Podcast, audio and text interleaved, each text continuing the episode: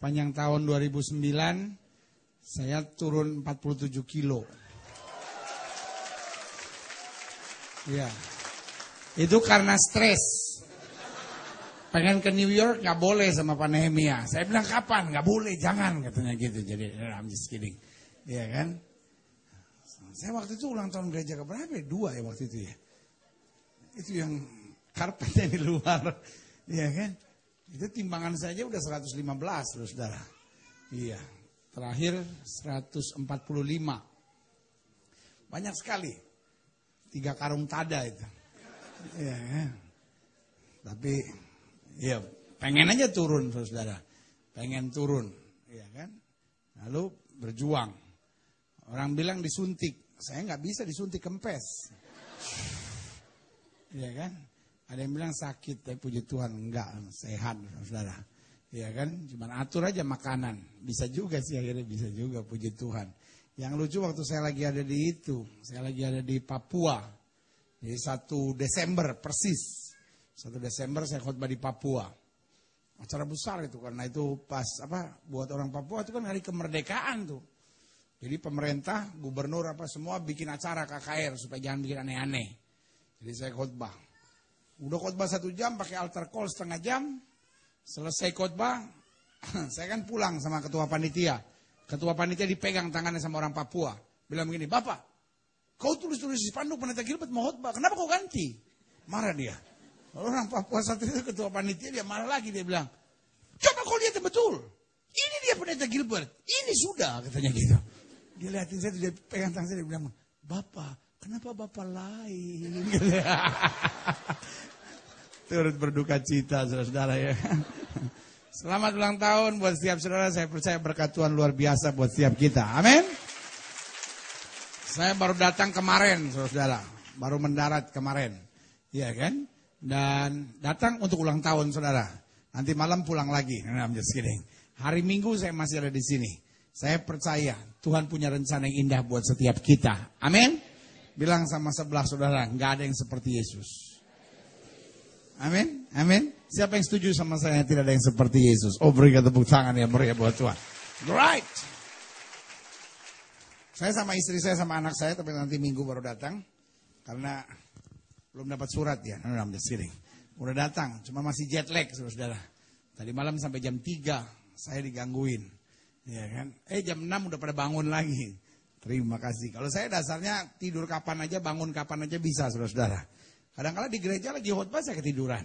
Ya? 1 Tesalonika 2 ayat 17 sampai ayat yang ke-20. 1 Tesalonika 2 ayat 17 sampai ayat yang ke-20. Mm -hmm. Tetapi kami, saudara-saudara yang seketika terpisah dari kamu, jauh di mata tetapi tidak jauh di hati. Sungguh-sungguh dengan rindu yang besar telah berusaha untuk datang menjenguk kamu.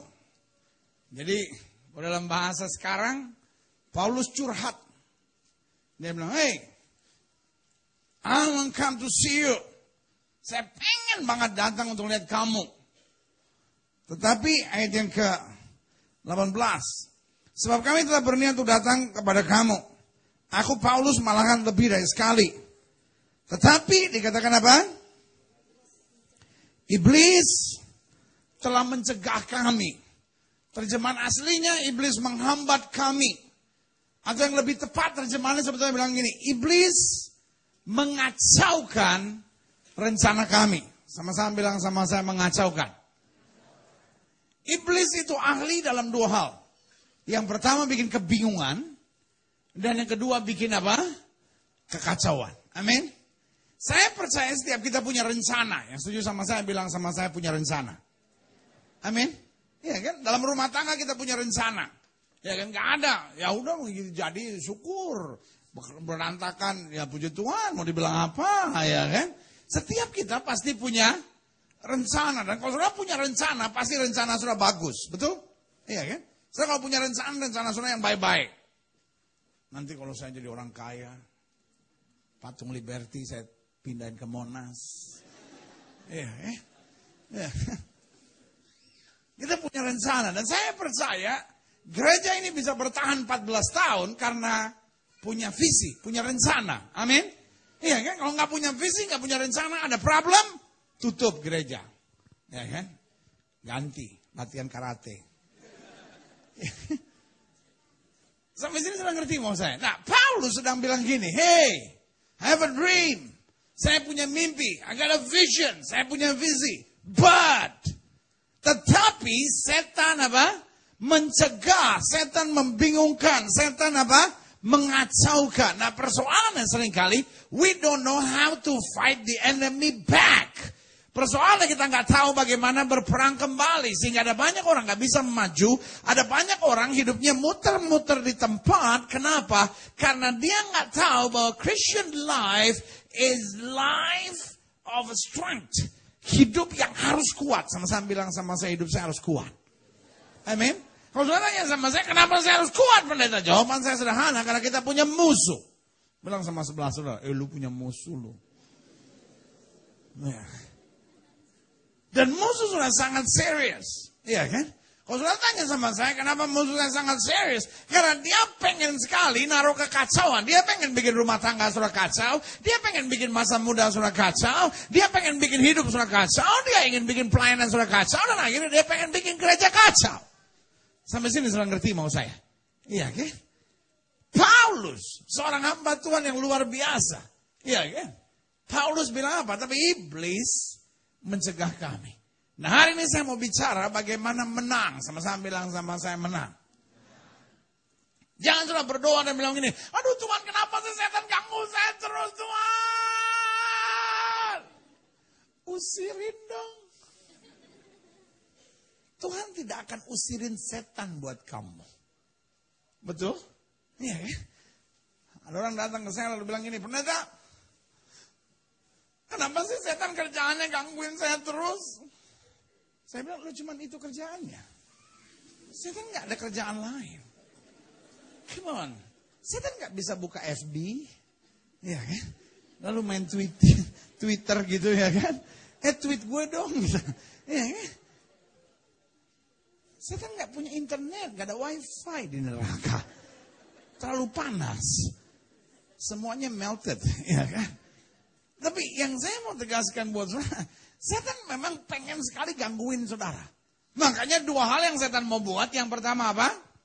Sama-sama bilang sama saya kebingungan. Yang kedua sama-sama bilang sama saya kekacauan. Jadi di mana ada kebingungan, itu pasti bukan dari Tuhan. Yang setuju bilang amin.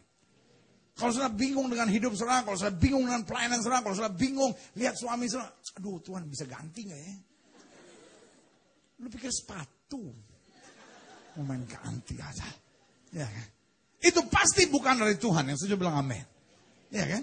Kalau saudara lihat istri saudara, aduh, ada better editionnya nggak ya? Lu pikir iPod ada better edition, ya kan? Kalau, kalau, saya lihat pelayanan saudara dan aduh saya perlu melayani nggak? Saya kayaknya aduh udah udah kecewa nih, udah banyak masalah. Saya mau bilang sama saudara, di mana ada kebingungan itu pasti bukan dari Tuhan. Yang setuju bilang amin sama saya. Dan yang kedua yang setan mau buat adalah apa? Hah? Lah bibir gue belum kering, lu udah bingung. Bibir gue belum kering, gue nanya ya. Iya. Ini polisinya makanya ngeliatin saudara. Dia catat siapa yang on. Nah, yang ngeliatin saya. Yang pertama yang iblis buat apa? Kebi? Kebingungan. Yang kedua yang iblis buat apa? Kekacauan. Sehingga di mana pun ada kekacauan, kalau sekala satunya bikin kacau, kerjaan sudah jadi kacau, pelayanan sudah jadi kacau, hidup sudah jadi kacau, jangan salahkan orang. Amin. Ini gara-gara mertua saya ini jadi kacau semuanya. Ini gara-gara ipar saya perawan tua, pendeta jadi kacau semuanya. Come on church. Setan paling senang setelah kita bingung dan kacau, kita blame others. Iya kan? Padahal kita bilang apa? Manusia boleh mereka-rekakan yang jahat, tapi Allah kita mereka-rekakannya untuk kebaikan. Berikan tepuk tangan yang meriah buat Tuhan.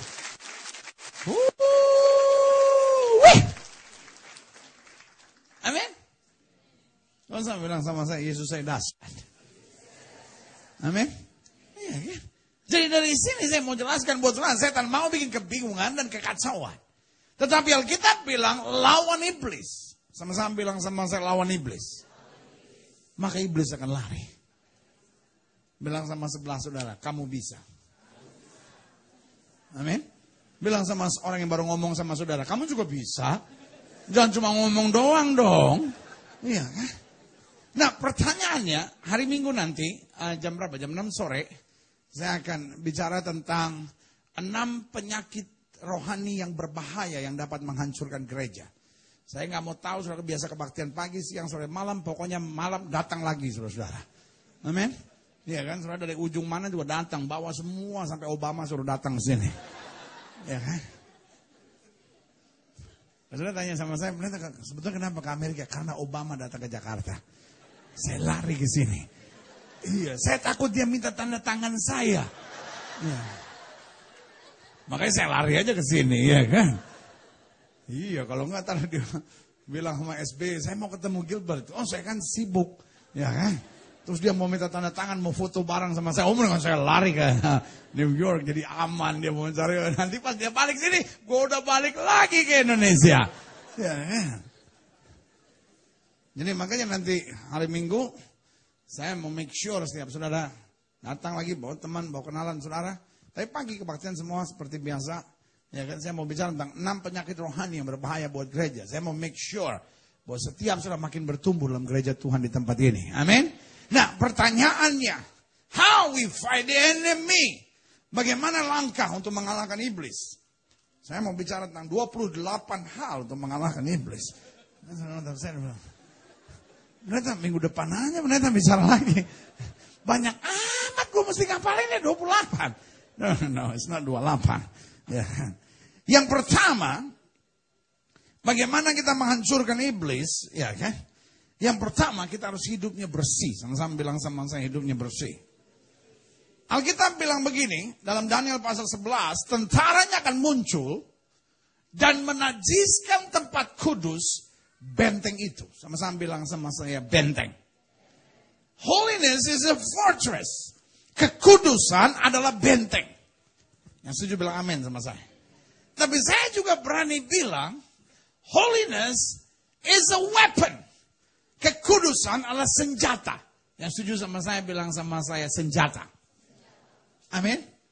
Kekudusan adalah senjata. Dan saya berani bilang holiness is your best weapon ever. Kekudusan adalah senjata yang terbaik. Sama-sama bilang sama saya terbaik. Artinya apa? Alkitab jelas bilang tanpa kekudusan, there is no one tidak ada seorang pun yang dapat melihat Allah. Artinya apa? Tanpa kekudusan kita bisa menjadi majelis gereja. Tanpa kekudusan kita bisa nyanyi lagu rohani. Tanpa kekudusan kita bisa khotbah di gereja. Tanpa kekudusan kita bisa buat apa pun dalam kegiatan-kegiatan gereja. Tapi izinkan saya menjelaskan buat saudara bahwa tanpa kekudusan tidak ada seorang pun yang dapat melihat Allah. Artinya melihat Allah saja tidak. Bagaimana kita bisa merasakan kasihnya. Bagaimana kita bisa mengalami kuasanya. Bagaimana kita bisa merasakan mujizat mujizatnya. Itu sebabnya ada banyak orang akhirnya kecewa sendiri di gereja. Akhirnya berpikir, kok orang lain ngalamin mujizat, saya enggak. Kok orang lain ngalamin kuasa Tuhan, saya enggak. Kok orang lain ngalamin hal yang dasar dari Tuhan, saya begini-begini aja. Holiness is your best weapon ever. Senjata terbaik kita. Yang setuju bilang amin. Makanya Alkitab bilang apa? Tunduk pada Allah lawan iblis, maka iblis akan lari. Bukan cuma akan keluar. Lari. Ya kan? Artinya apa? Kekudusan itu membuat kita ngejarin setan. Amin. Setan nggak takut sama orang pakai kalung salib. Ya. Betul. Betul. Makanya saya bilang, orang Manado sama orang Batak. Wih, itu dua orang di muka bumi yang paling cinta Tuhan. Betul. Orang Manado sama orang Batak itu paling cinta Tuhan. Mereka mabuk saja nyanyi lagu rohani. Mabuk saja nih, mabuk. Nyanyi lagu rohani. Mana ada sobat lagi. Mabuk, nyanyi lagu rohani. Betul. Main kartu saja, tetap berdoa. Tinggal sertaku kawan yang kudus. Lewat, lewat, lewat, lewat. Betul. Selingkuh saja tetap berdoa dan pakai kalung salib sambil berdoa. Ya Tuhan, tolong supaya bininya tidak ketahuan. Jangan ketawa lu sadar. Ya. Jadi setan nggak takut sama orang yang pakai kalung salib. Karena setan punya banyak teman yang pakai kalung salib. Setan nggak takut sama orang ke gereja bawa Alkitab. Terus ketemu orang shalom. Haleluya. Glory. Setan bilang gue juga bisa. Ya, ya. Sampai sini sudah ngerti mau saya. Ya kan? Ada orang hari Sabtu berzina, lakukan hubungan seks sebelum nikah. Ya kan? Tapi masuk gereja, wih, ah, bawa kita, bawa kita. Baru berzina, ber,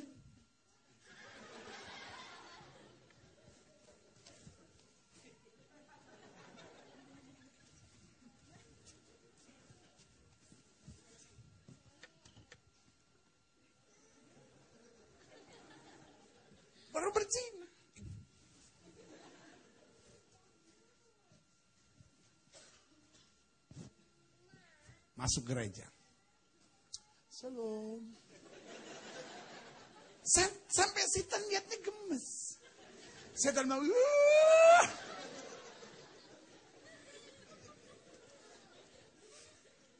Ada yang ketawa mukanya merah, saya kaget. Mungkin pengalaman pribadi atau apa? I don't know. Saya sih udah khotbah 26 tahun, jadi perbedaan muka orang saya bisa baca.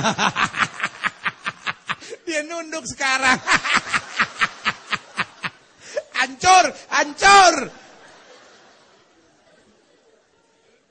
Makanya gua kalau khotbah jalan-jalan supaya kelihatan muka orang. Ih, saya tuh mulai khotbah umur 17 tahun, saudara-saudara. Jadi perbedaan tarikan muka saudara gue ngerti maksudnya apa. Siapa yang lapar belum makan pagi. Gue udah lihat dia kan kelihatannya gini.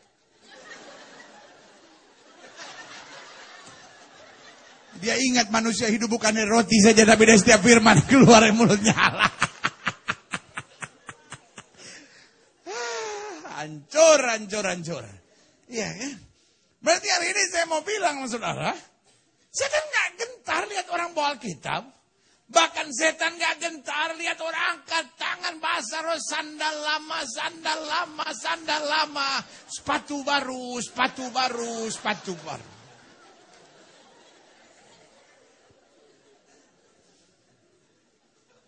Mungkin sudah menantap saya, mengatakan, wah Gilbert kacau nih.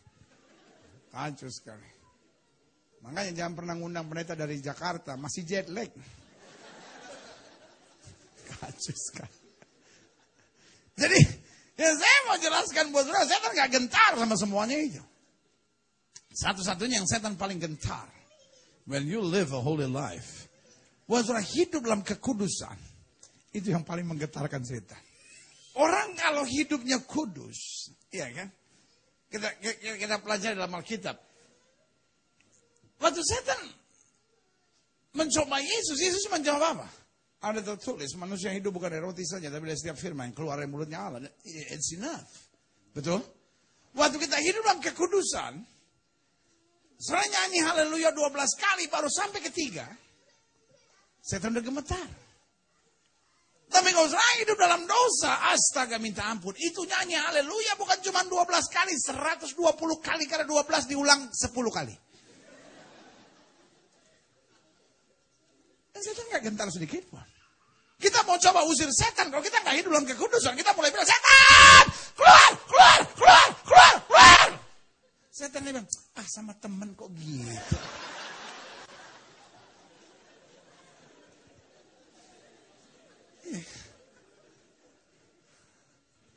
Aduh. Saya paling geli sekali. Waktu saya mesti usir setan buat orang yang saya mungkin kenal nama ini, Daud Tony, astaga. Manusia ini kecil sekali waktu itu, sekarang udah diberkati. Dulu kecil sekali, udah kurus kecil, dukun lagi. Orang kalau kurus kecil pendeta masih mending, kurus kecil dukun lagi. Artinya gini, udah kurus kecil mati masuk neraka lagi ya kan? Dukun ya kan? Saya lagi khotbah di Solo, saya lagi altar call, saya lagi doain orang, tiba-tiba saya, ini orang kenapa ngeliatin saya begitu? Ngeliatin saya gini. Timbangan saya waktu itu kan 145. Timbangan dia mungkin 17 saya mikir. Kecil sekali. Saya oh, mau coba ngana ini ya. Saya udah lebih besar, Manado lagi. Iya kan? Maksudnya udah lebih besar, Manado lagi. Iya kan? Iya orang Manado kan Makanya anjing-anjing jadi makan apalagi. Ah iya anjing aja. Kita makan, kita makan. Anjing, kita makan apalagi. Ini gonggong aja nggak bisa. Mau main-main ini ya kan. Oh saya dekati. Ih, diliatin. Ih, oh, oh. Makin dekat dia lihat saya makin gini.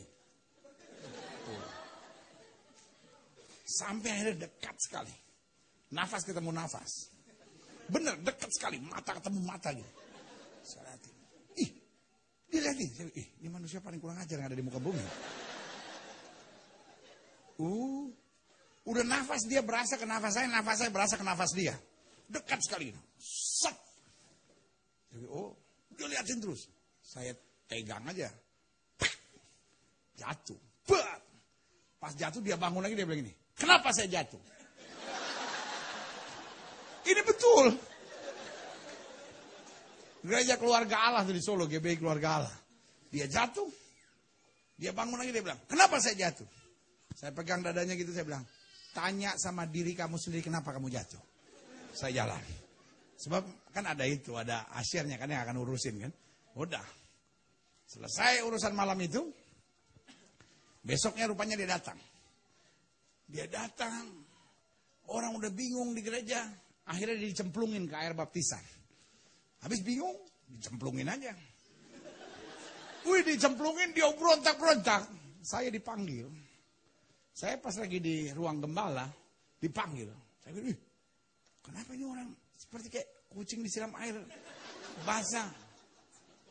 Lagi, oh, dikelilingin ada kali 20 orang. Semua dari jauh. Saya keluar. Keluar. Keluar. Sebagian mungkin dalam hatinya, kalau kau tidak keluar, saya yang keluar.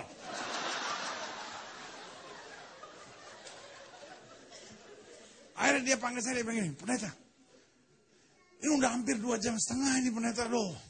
Banyak sekali setannya. Oh gitu? Udah. Akhirnya saya doain. Mulai keluar satu-satu. Segala macam. Aduh, udah deh. Pokoknya ilmu apa kitab Stambul lah, segala besi kuning lah, segala apa baja lah, segala macam keluar satu-satu. Keluar, keluar, keluar, keluar, keluar. Ih, pas udah keberapa kali itu? Udah udah satu jam setengah kali. Pendahuluan udah dua jam setengah. Masuk puji-pujian udah satu jam setengah ini sama saya ini sekarang. Ini belum firman ini. Ya kan? Tiba-tiba, wih tiba-tiba dia berdiri, ilmu apa nggak tahu keluar itu. Dia berdiri, dia, wih, pasang kuda-kuda lengkap. Saya bilang, eh, itu 20 lari semua, lari. Semua lari habis. Semua ke pinggir. Tinggal berdua berhadapan. Saya bilang, oh, oh, oh. Dulu, dulu sempat belajar karate. Tapi cuma sampai ban, apa itu, ban hijau ke apa itu. Mike Gary sih masih tahu, ya kan. Tapi saya pikir, wah oh, ini kalau kuasa roh tidak bisa menyelesaikan.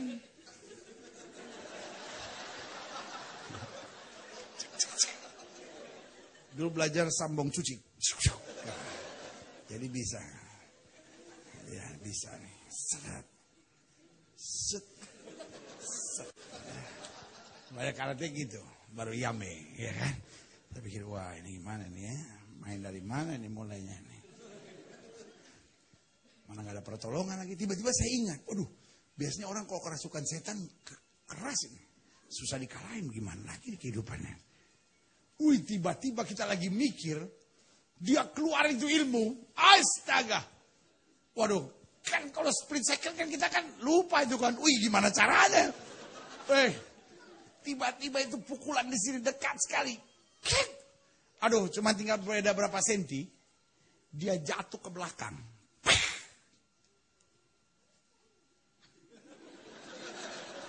Itu jantung saya sempat stop. Asli. Karena kita lagi lengah, dia masuk gas gitu kan. Itu, waduh, kalau aduh. Sama kayak itu cerita orang Manado. Ada orang Manado satu, dia Aduh itu dia bini terus mengeluh, terus mengeluh. Terus mengeluh, tiap hari dia mengeluh sama DP laki. Dia bilang, apa itu? Tetangga sebelah so beli rumah, tetangga sebelah so begini, tetangga sebelah so begini. Terus begitu, terus dia banding-banding. Ah, apa-apa ini, kerja apa-apa. Gak ada yang berhasil. Akhirnya, aduh, dia laki. So pasti sekali, dia laki akhirnya bilang begini, Ma, tunggu Joma, dalam minggu ini Ma, kita pe proyek ada dua yang mau pijak. Kata Ma itu apa ngana proyek-proyek ah ngana proyek apa? Dia bilang ada dua proyek minggu ini harus pecah. Kalau nggak ngana pe mata, ngana pe bibir. Kalau nggak ngana pe mata, ngana pe bibir tuh mau pijak.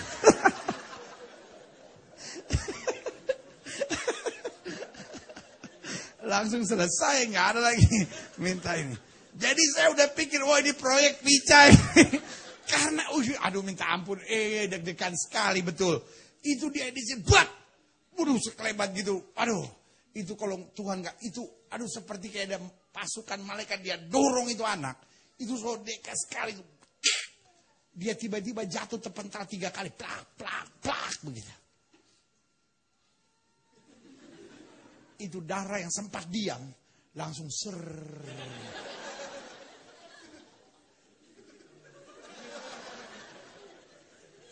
jatuh. Uh. Itu tanpa dikomando, tanpa dikomando. 20 yang solari langsung dalam nama Yesus setan keluar. Dalam hati saya ngoni semua tadi keluar sekarang. Sota banting baru keluar, keluar. Sota pulengka di situ baru keluar. Tapi saya cuma mau bilang sama setiap saudara. Bahwa the best weapon ever. Ya kan? Senjata yang yang yang yang, yang tercanggih. Yang tidak pernah bisa usang. Adalah holiness. Amin. Selalu saya bilang. Sudah terlampau lama gereja Tuhan dipenuhi dengan orang munafik. Bilang sama sebelah saudara, kamu munafik gak? Nggak apa-apa ngomong saja sesama orang munafik kan harus terbuka ya. Kan satu alma mater. Mungkin sudah menatap saya dan wah susah ini. Orang ulang tahun ngomong kayak apa gitu jangan yang bikin takut orang begini ya kan. Iya, sorry itu sih, sorry. Saya kalau ngomong apa adanya. Gue sih ketawa-ketawa ketawa tapi asal lu sadar aja gitu ya kan maksudnya. Iya kan ada banyak orang begitu di gereja. Waduh, minta ampun sama malaikat beda-beda tipis, cuma kalah di sayap, cuma kalah di sayap. Betul, cuma kalah di sayap, malaikat ada sayap, kita nyanda ya kan. Tapi kalau kelakuan, weh, malaikat juga lihat kita bisa menangis. Ya kan, waktu kita udah mulai nyanyi, holy. Malaikat bilang, kita kok sampai terharu sekali. Holy. Malaikat menangis. Tapi kalau lihat kita pe kelakuan, uh astaga. Setan sampai kaget-kaget. Setan bilang kita kuat tuh setan. Tapi kita pe kelakuannya rupa ngoni semua ini. Iya kan? Hari ini saya cuma mau bilang sama setiap saudara. Dengar. Sudah terlampau lama kita ada di gereja tapi munafik. Munafik, saudara. Dan itu yang buat setan bisa jajah hidup kita. Sampai kita akhirnya bingung sendiri. Kenapa ya pendeta? Saya bertahun-tahun masuk gereja tapi setan terus bikin saya bingung dan bikin saya kacau dengan banyak hal. Rancangan-rancangan saya terhambat. Hari ini saya mau bilang, roh di dalam kita lebih besar dari roh yang ada dalam dunia ini. Setan memang mau mengganggu, setan memang mau merusak, setan mau menghancurkan. Tetapi di dalam Yesus, kita lebih daripada orang-orang yang menang. Berikan tepuk tangan yang meriah buat Tuhan. Haleluya. Sama-sama bilang sama saya, saya menang. Sama-sama bilang sama saya, saya menang. Sebab roh yang di dalam saya lebih besar dari roh yang ada dalam dunia ini. Berikan tepuk tangan yang meriah buat Tuhan.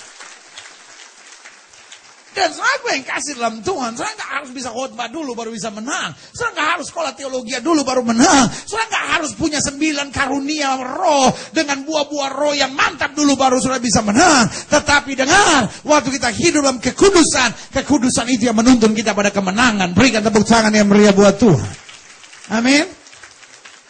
Makanya hal yang pertama yang setan mau buat, setan mau rusak kekudusan kita. Kenapa? Holiness is the fortress. And holiness is your best weapon ever. Artinya selama kita hidup dalam kekudusan, setan nggak bisa buat apa-apa. Amin. Setelah boleh pacaran, tapi selama kau hidup dalam kekudusan, setan nggak bisa buat apa-apa. Setelah boleh dalam dunia bisnis, tapi kalau selama setan Selama engkau hidup dalam kekudusan, setan nggak bisa buat apa-apa. Amin. Amin. Sama-sama bilang sama saya, saya harus hidup kudus. Yang kedua, bagaimana kita bisa dapat fight the enemy back? Yang kedua, waktu kita hidup di dalam firman. Sama-sama bilang sama saya hidup dalam firman.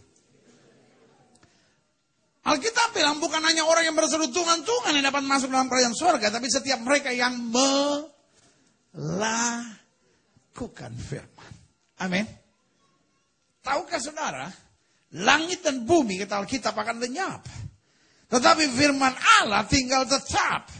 Artinya kekuatan terbesar yang kita bisa andalkan dalam hidup ini is the word of God. Amin. Iya kan? Kekuatan terbesar dalam hidup ini bukanlah ketika kita punya koneksi yang hebat. Kekuatan terbesar dalam hidup ini bukanlah ketika kita memiliki harta yang banyak. Ada banyak orang akhirnya berhayal begini. Seandainya saya punya koneksi yang bagus, mungkin saya di Amerika nggak hidup biasa-biasa begini. Seandainya saya punya harta yang banyak, mungkin saya bisa lebih bahagia di New York sini. Tapi izinkan saya menjelaskan buat saudara, kekuatan terbesar yang bisa menjamin hidup kita hari ini sampai masa depan kita, sampai anak cucu kita adalah firman Allah. Berikan tepuk tangan yang meriah buat Tuhan. Amin. If you know the word of God. Kalau engkau tahu kebenaran kata Alkitab, kebenaran itu akan memerdekakan kita. Amin. Artinya apa? If we don't know the word of God. Kalau kita nggak ngerti firman Allah, kita hidup bound. Kita hidup terikat, kita hidup terbelenggu. Sampai kita punya great vision, kita punya great dreams. Kita punya mimpi besar, kita punya visi yang besar. But nothing works. Gak ada yang terjadi. Kenapa? Karena we don't have enough strength. Kita nggak punya kekuatan yang cukup. Kita cuman, ya seandainya, ya, insya Allah. No, my God is not God of insya Allah. Ya. Allah saya bukan Allah insya Allah. Allah saya Allah yang pasti. Amin. Sama-sama bilang sama saya kepastian. Allah saya adalah Allah yang memberi kepastian. Amin. Asal saja kita pegang firman. Itu aja kuncinya. Karena setan nggak peduli selalu loncat di gereja. Sampai tergantung di langit-langit. Dari nyanyi semangat. No. Tapi setan gemetar. If you know the word. Karena salah satu yang setan main adalah dengan intimidasi. Sama-sama bilang sama saya intimidasi. Setan mulai taruh dalam pikiran saudara. Suami kamu bukan suami yang baik. Dan dia nggak bakal berubah. Buktinya kamu udah kawin 12 tahun masih begitu-begitu kan? Dari mulai Surabaya, Jakarta dulu sampai sekarang ada di New York ini. Masih begitu kan lakimu? Nah itu dia nggak bakal berubah. Setan mulai intimidasi kita berkata, rumah tanggamu cuma bisa bercerai, cuma itu yang bisa nyelesain masalah. Saudara gue yang kasih dalam Tuhan, folks, dengar. Sebagai hamba Allah, cuma saya ini mau ingatkan buat saudara. Waktu setan main dengan intimidasi, selama saudara pegang firman, engkau akan menang. Firman gak akan pernah put us down. Firman gak akan pernah mengecewakan kita. Firman gak akan pernah mempermalukan kita. Firman tidak akan pernah kalah. Langit dan bumi boleh lenyap. Tapi orang yang pegang firman Allah akan tetap kuat. Dan melihat kemuliaan Allah. Berikan tepuk tangan yang meriah buat Tuhan. Amin. Yang ketiga. Bagaimana kita menang dan menghancurkan iblis. If we know our calling. Waktu kita tahu persis panggilan kita, sama-sama bilang sama saya panggilan. Sama-sama bilang sama saya panggilan. Bilang sama sebelah saudara kita dipanggil oleh Tuhan. Jangan saudara pulang dari sini kaget. Oh, Gilbert bilang kita mau dipanggil Tuhan. Astaga.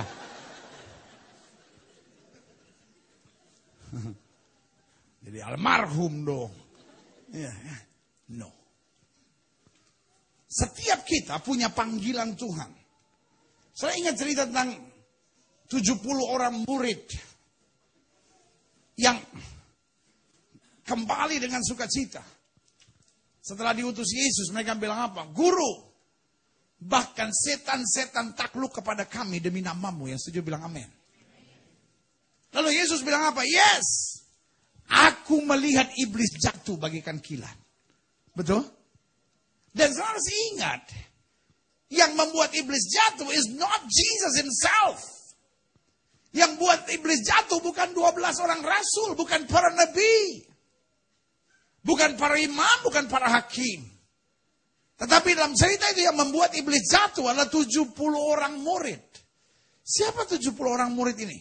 Sebagian kita don't know, sebagian kita don't even know the names. Kita bahkan nggak tahu nama-namanya. Betul nggak? Iya kan?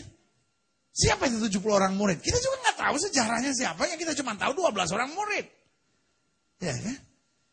Tetapi buat saya cuma sederhana, 12 orang murid adalah mereka yang melayani Tuhan secara full timer. Dan 70 orang murid ini melayani Tuhan di masa-masa tertentu ketika Kristus memerlukan dan mengutus mereka. Amin. Mereka mungkin insinyur, emang zaman itu udah ada insinyur? I don't know. Ya. Kan? Mungkin mereka dokter, ya kan? Untung Om Gilbert udah kecil. Kalau masih gede.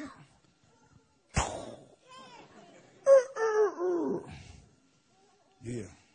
Saya masih gemuk, jangan coba-coba anak sudah jalan. Satu anak kesenggol saya blok jatuh ke otak.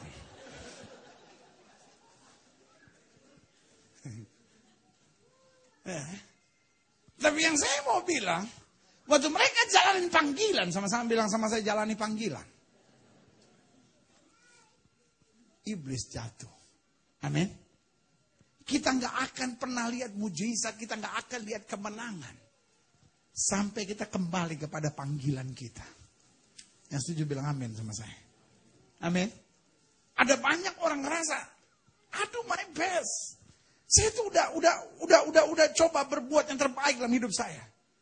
Tapi kenapa kok masalah saya terus bertubi-tubi? Sampai sebagai kita berkata, cukup dong Tuhan, masa terus gitu saya ngadepin masalah.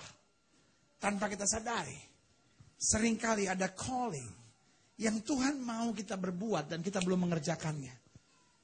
Sampai kita bilang, this is me, oh my father. Ini aku Tuhan, send me, utus aku. Waktu kita mulai mengerjakan panggilan kita, Baru di situ kita akan melihat breakthrough. Baru kita melihat terobosan. Setan nggak punya kuasa lagi. Karena orang yang berjalan dalam panggilan Tuhan itu akan melihat kemuliaan Tuhan dinyatakan. Berikan tepuk tangan yang beri. Berarti jelas yang pertama bagaimana kita fight the enemy back. Yang pertama, hidup kita harus bersih. Amin. Yang kedua apa? Kita harus hidup dalam firman. Yang ketiga apa? Menjalankan panggilan kita. Lalu yang keempat, bagaimana kita menghancurkan iblis? Fight the enemy back. Yang keempat, waktu kita mengampuni yang bersalah, Mungkin saudara bilang, what's that? Coba saudara lihat sebentar 2 Korintus. 2 Korintus. Haha.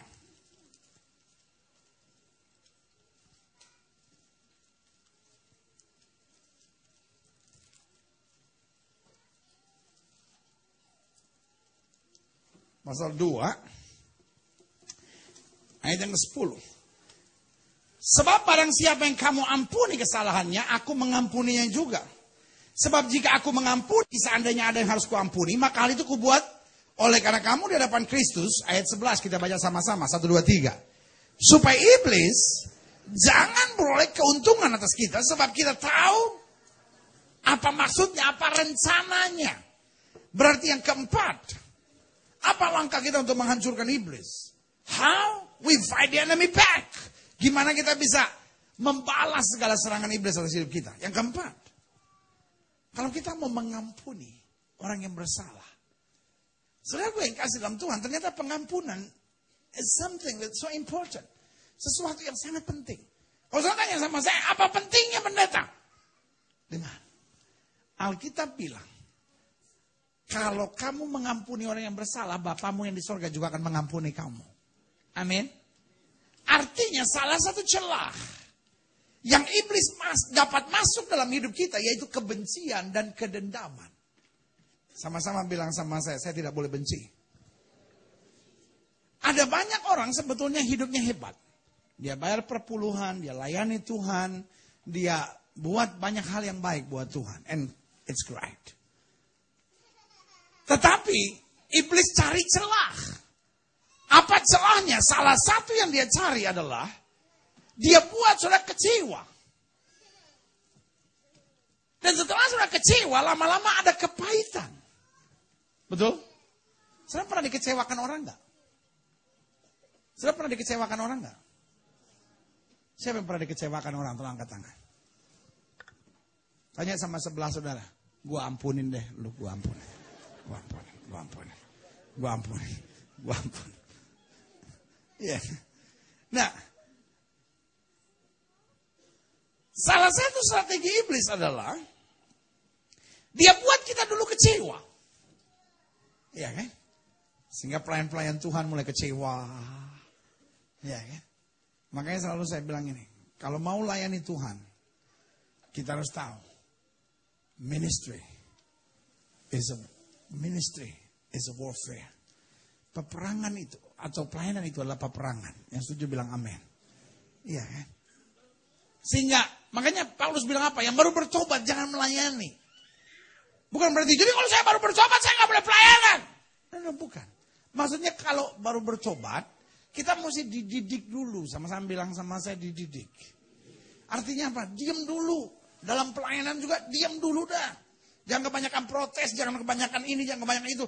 Memang belajar dulu gitu. Artinya gini, kalau kita disakitin orang, jangan langsung mundur dulu. Belajar dulu, oh gini ya pelayanan. Apa sih buahnya dibalik semuanya gitu. Sabar dulu, tenang dulu. Itu bagian dari proses, sama-sama bilang sama saya proses. Iya kan? Nah, tetapi, waktu iblis datang dan taruh kecewa. Eh tapi kenapa? Tuhan diemin dong. Loh. Justru lewat proses itu. Kita akan lebih tangguh. Yang setuju bilang amin. Betul?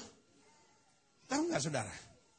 Sesuatu yang keras akan mendidik kita lebih baik. Amin. Contoh, berlatih keras itu selalu lebih baik. Kalau saudara pagi-pagi bangun dan lari, saudara akan keringetan. Betul? Tapi itu bikin badan saudara lebih sehat. Yang setuju bilang amin. Iya kan? Yang paling enak bangun, tidur, masih dingin, tidur lagi. Ya. Betul? Tapi kalau kita mesti keluar, lari, nggak enak.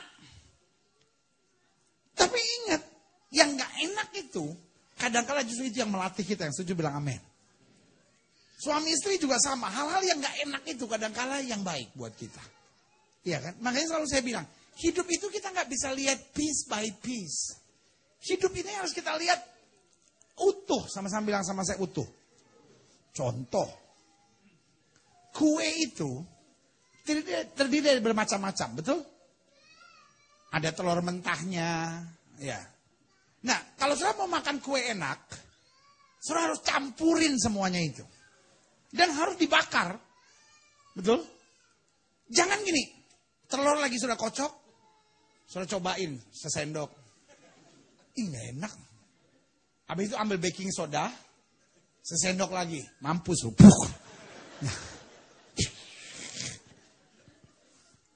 Ya, kan? Terus ambil garam sesendok lagi. Ya, udah. Empat lima coba aja. Langsung bawa ke hospital. Ya. Campur aja dulu semuanya. Dan jangan dicobain waktu lagi dicampur. Ya kan? Masukin oven dulu. Panas. Kembang. Sampai waktunya. Jangan terlalu cepat. Ya kan? Sebenarnya kalau terlalu cepat. Belum matang. Ya kan? Kelamaan. Gosong. Itu sama seperti orang Papua di pedalaman. Orang Papua di pedalaman dia tanya sama bapaknya. Dia bilang, Bapak, Tuhan Yesus Maha Kuasa kah? Iya sudah anak, itu sudah. Tuhan Yesus Maha Kuasa. Bapak, Tuhan Yesus bisa jawab semua doa kita kah tidak? Itu sudah, Tuhan Yesus selalu jawab. Dia bilang, Papa, coba kita minta Tuhan Yesus kasih matahari dua, Papa. Dia bilang, waduh. Kenapa kau minta matahari dua? Dia bilang, Bapak, kita di sini listrik belum masuk, Bapak. Jadi kalau malam saya tidak, tidak bisa belajar, Bapak. Kalau Tuhan Yesus kasih matahari dua, pagi ada matahari, malam ada matahari. Nah ini bapak kan repot. Kalau dia bilang salah, dia bilang, oh Tuhan Yesus begitu. Tapi kalau dia iyain, anaknya juga jadi tambah stres lagi kan. Pasti gak bakal dijawab. Akhirnya bapaknya minta hikmat Tuhan. Apa jawabnya? Dia bilang, anak sudah, kita belajar bersyukur. Matahari satu saja kita so begini, apalagi dua. Matahari satu saja kita so hitam begini, apalagi dua. Kau mau ke apa? Iya.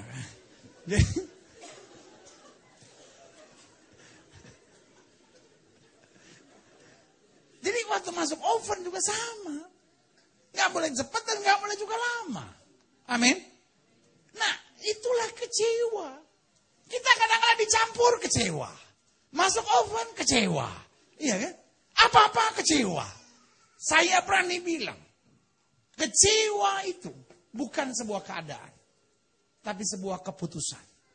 Kita kecewa bukan karena keadaan. Sudah jangan bilang sama saya, ya benar itu gak ngerti apa yang saya alamin. Pendeta enak aja, pendeta kecewa, jangan kecewa. Emang yang pendeta pikir saya itu manusia kardus apa-apa. Manusia biasa kan juga gak tahu. Pendeta coba kalau pendeta yang buat gitu lebih cepat kurusnya.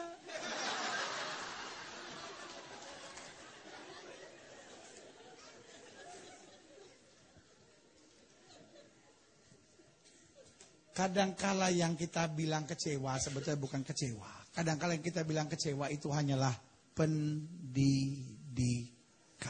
Sama-sama bilang sama saya pendidikan. Setan senang kalau kau kecewa, akhirnya menyimpan kepahitan, akhirnya menyimpan kedendaman. Gereja nggak bisa maju kalau orang yang melayani sebentar-bentar kecewa. Gereja ini 14 tahun sudah pasti lewati masa-masa yang sukar. Dan saya mau bilang sama setiap saudara, kalau sudah apa-apa kecewa, apa-apa kecewa, nggak maju-maju. Bener deh. Kapan lu mau maju kalau apa-apa kecewa, apa-apa kecewa. Begitu juga dalam rumah tangga, kalau apa-apa kecewa, apa-apa dendam. Kalau engkau mau lihat roh kudus bekerja, engkau mau melihat kemuliaan Allah turun. Belajar ampuni yang bersalah. Belajar buang semua kecewa. Belajar punya pikiran yang positif dalam hidup ini. Kalaupun manusia mereka-rekakan yang jahat, Allah mereka-rekakannya untuk kebaikan. Amin. Roma 8 ayat 28 bilang Allah saya turut bekerja dalam segala perkara untuk mendatangkan kebaikan. Tuhan memerlukan prajurit-prajurit yang tangguh, bukan bayi-bayi cengeng yang sebentar-bentar tersinggung, yang sebentar-bentar kecewa, yang sebentar-bentar marah, yang sebentar-bentar nangis. Ini saatnya gereja Tuhan wake up. Ini saatnya gereja Tuhan bangkit dan bilang, saya masih punya Tuhan. Saya dalam peperangan dan saya tahu tangan saya dipegang oleh Tuhan. Melewati badai sekalipun aku tidak digentarkannya. Karena Alkitab berkata segala sesuatu yang bisa digoncangkan akan digoncangkan. Supaya tinggal tetap kerajaan yang tidak tergoncangkan akan berikan tepuk tangan yang meriah buat Tuhan. Amin. Bilang sama sebelah saudara kita harus ampuni.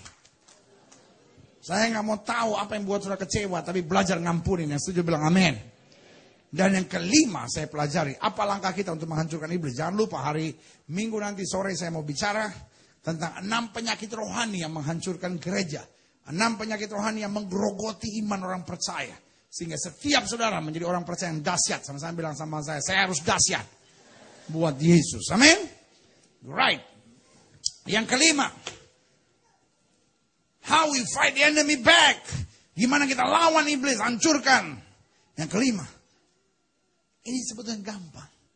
Tapi kadang kala ini yang membuat kita nggak sanggup. Apa itu yang kelima pendeta? Bersyukur. Dan bersuka cita. Saya tahu nggak? Yang paling buat setan sebel. Kau lihat kita bersyukur.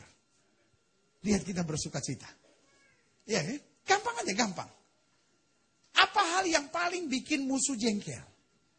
Kalau lihat kita senang. Betul nggak? Betul nggak? Kalau saya memusuhi orang, saya memusuhi orang, secara naluri, saya akan senang kalau lihat dia susah. Tiba-tiba dia jalan, agak pincang-pincang, ketabrak bajai. Wih, emang di New York masuk juga bajai. Coba sekali-sekali sudah bawa bajai dari Jakarta, bawa ke New York. Setelah jalan di freeway, saya cuma pengen lihat NYPD ngomong apa sama bahasa Israel. What in the world is that? You know, sir, this is bajai. What? Bajai? Yeah, bajai. Yeah. Mm-hmm. Can I try it? And NYPD. Before you drive it, you have to start it. You know how to start? Just do this.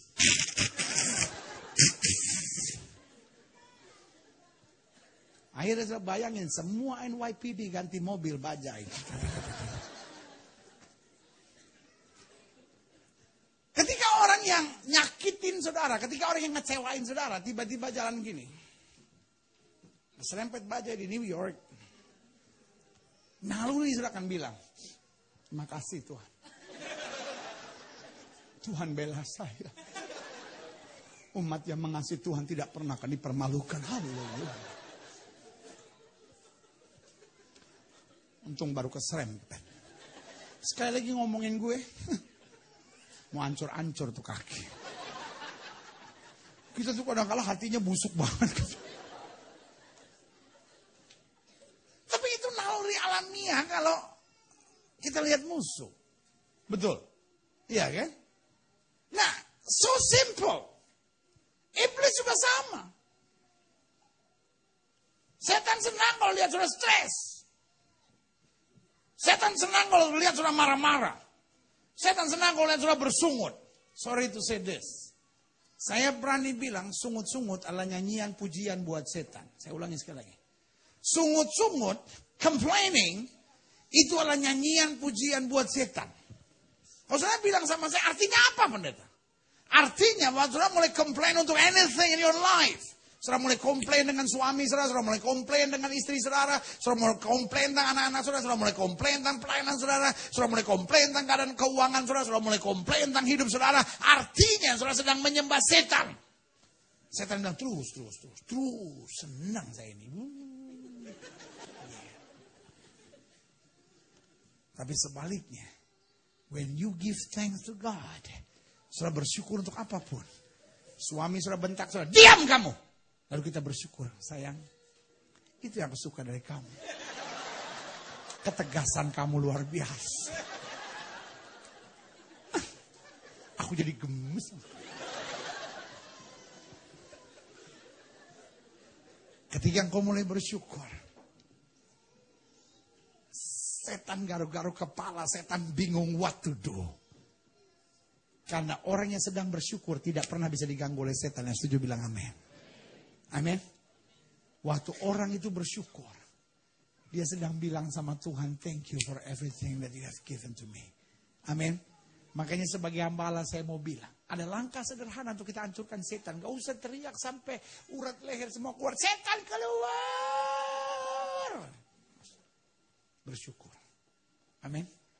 Orang-orang yang Tuhan pakai, coba sudah pelajari, adalah orang-orang yang suka bersyukur. Orang-orang yang Tuhan pakai adalah orang-orang yang suka bersyukur. Dan hari ini saya nggak tahu apa yang sedang kau hadapi. Sungut-sungut hanya menambah bebanmu berat. Marah hanya membuka celah untuk setan bisa datang dan menghancurkan hidupmu. Kecewa hanya membawa engkau hidup dalam penjajahan oleh segala kegelapan. Tapi ini yang saya mau bilang. Roh di dalam kita lebih besar dari roh yang alam dunia ini. Alkitab berkata iblis ada di bawah telapak kaki orang percaya. Berikan tepuk tangan yang meriah buat Tuhan. Sudah bukan saatnya lagi. 14 tahun sudah gereja ini Tuhan sediakan. Nothing is impossible. Tidak ada yang mustahil. Amin. Iya kan? Tetapi persoalannya, kita biarkan iblis ngacaukan our dreams. Kita biarkan setan mengacaukan our vision. Kita biarkan setan membuat kita bingung terus menerus. Tapi hari ini saya mau bilang, ada lima langkah sederhana yang saya bagi buat saudara. Yang pertama, kita harus hidup bersih. Sama-sama bilang sama saya, hidup saya harus bersih. Yang kedua, sama-sama bilang sama saya, kita harus hidup dengan firman. Yang ketiga, sama-sama bilang sama saya, kita harus menjalankan panggilan.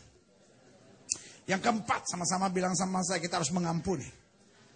Dan yang kelima, sama-sama bilang sama saya, kita harus bersyukur dan bersuka cita. Karena waktu kita bersyukur dan bersuka cita, kita melihat mujizat demi mujizat terjadi. Gak ada yang mustahil buat kita. Setan di telapak kaki kita. Kita rebut kemenangan yang meriah dari Tuhan Yesus Kristus kita. Amin. Ya. Mau sampai kapan kita dipermainkan setan terus? Mau sampai kapan? Kita masuk gereja tapi hidup munafik. Kita masuk gereja tapi setengah-setengah. Kita masuk gereja tapi terus jatuh bangun. Lalu bilang, ya roh memang penurut tapi daging lemah. Loh, jangan hidup dalam daging dong. Hidup dalam roh. Waktu kita hidup membiarkan diri dipimpin oleh roh. Maka di situ kita berjalan dari kemenangan lepas pada kemenangan. Kita masuk dalam kemuliaan yang kekal. Tuhan Yesus memberkati. Saya undang kita semua bangkit berdiri.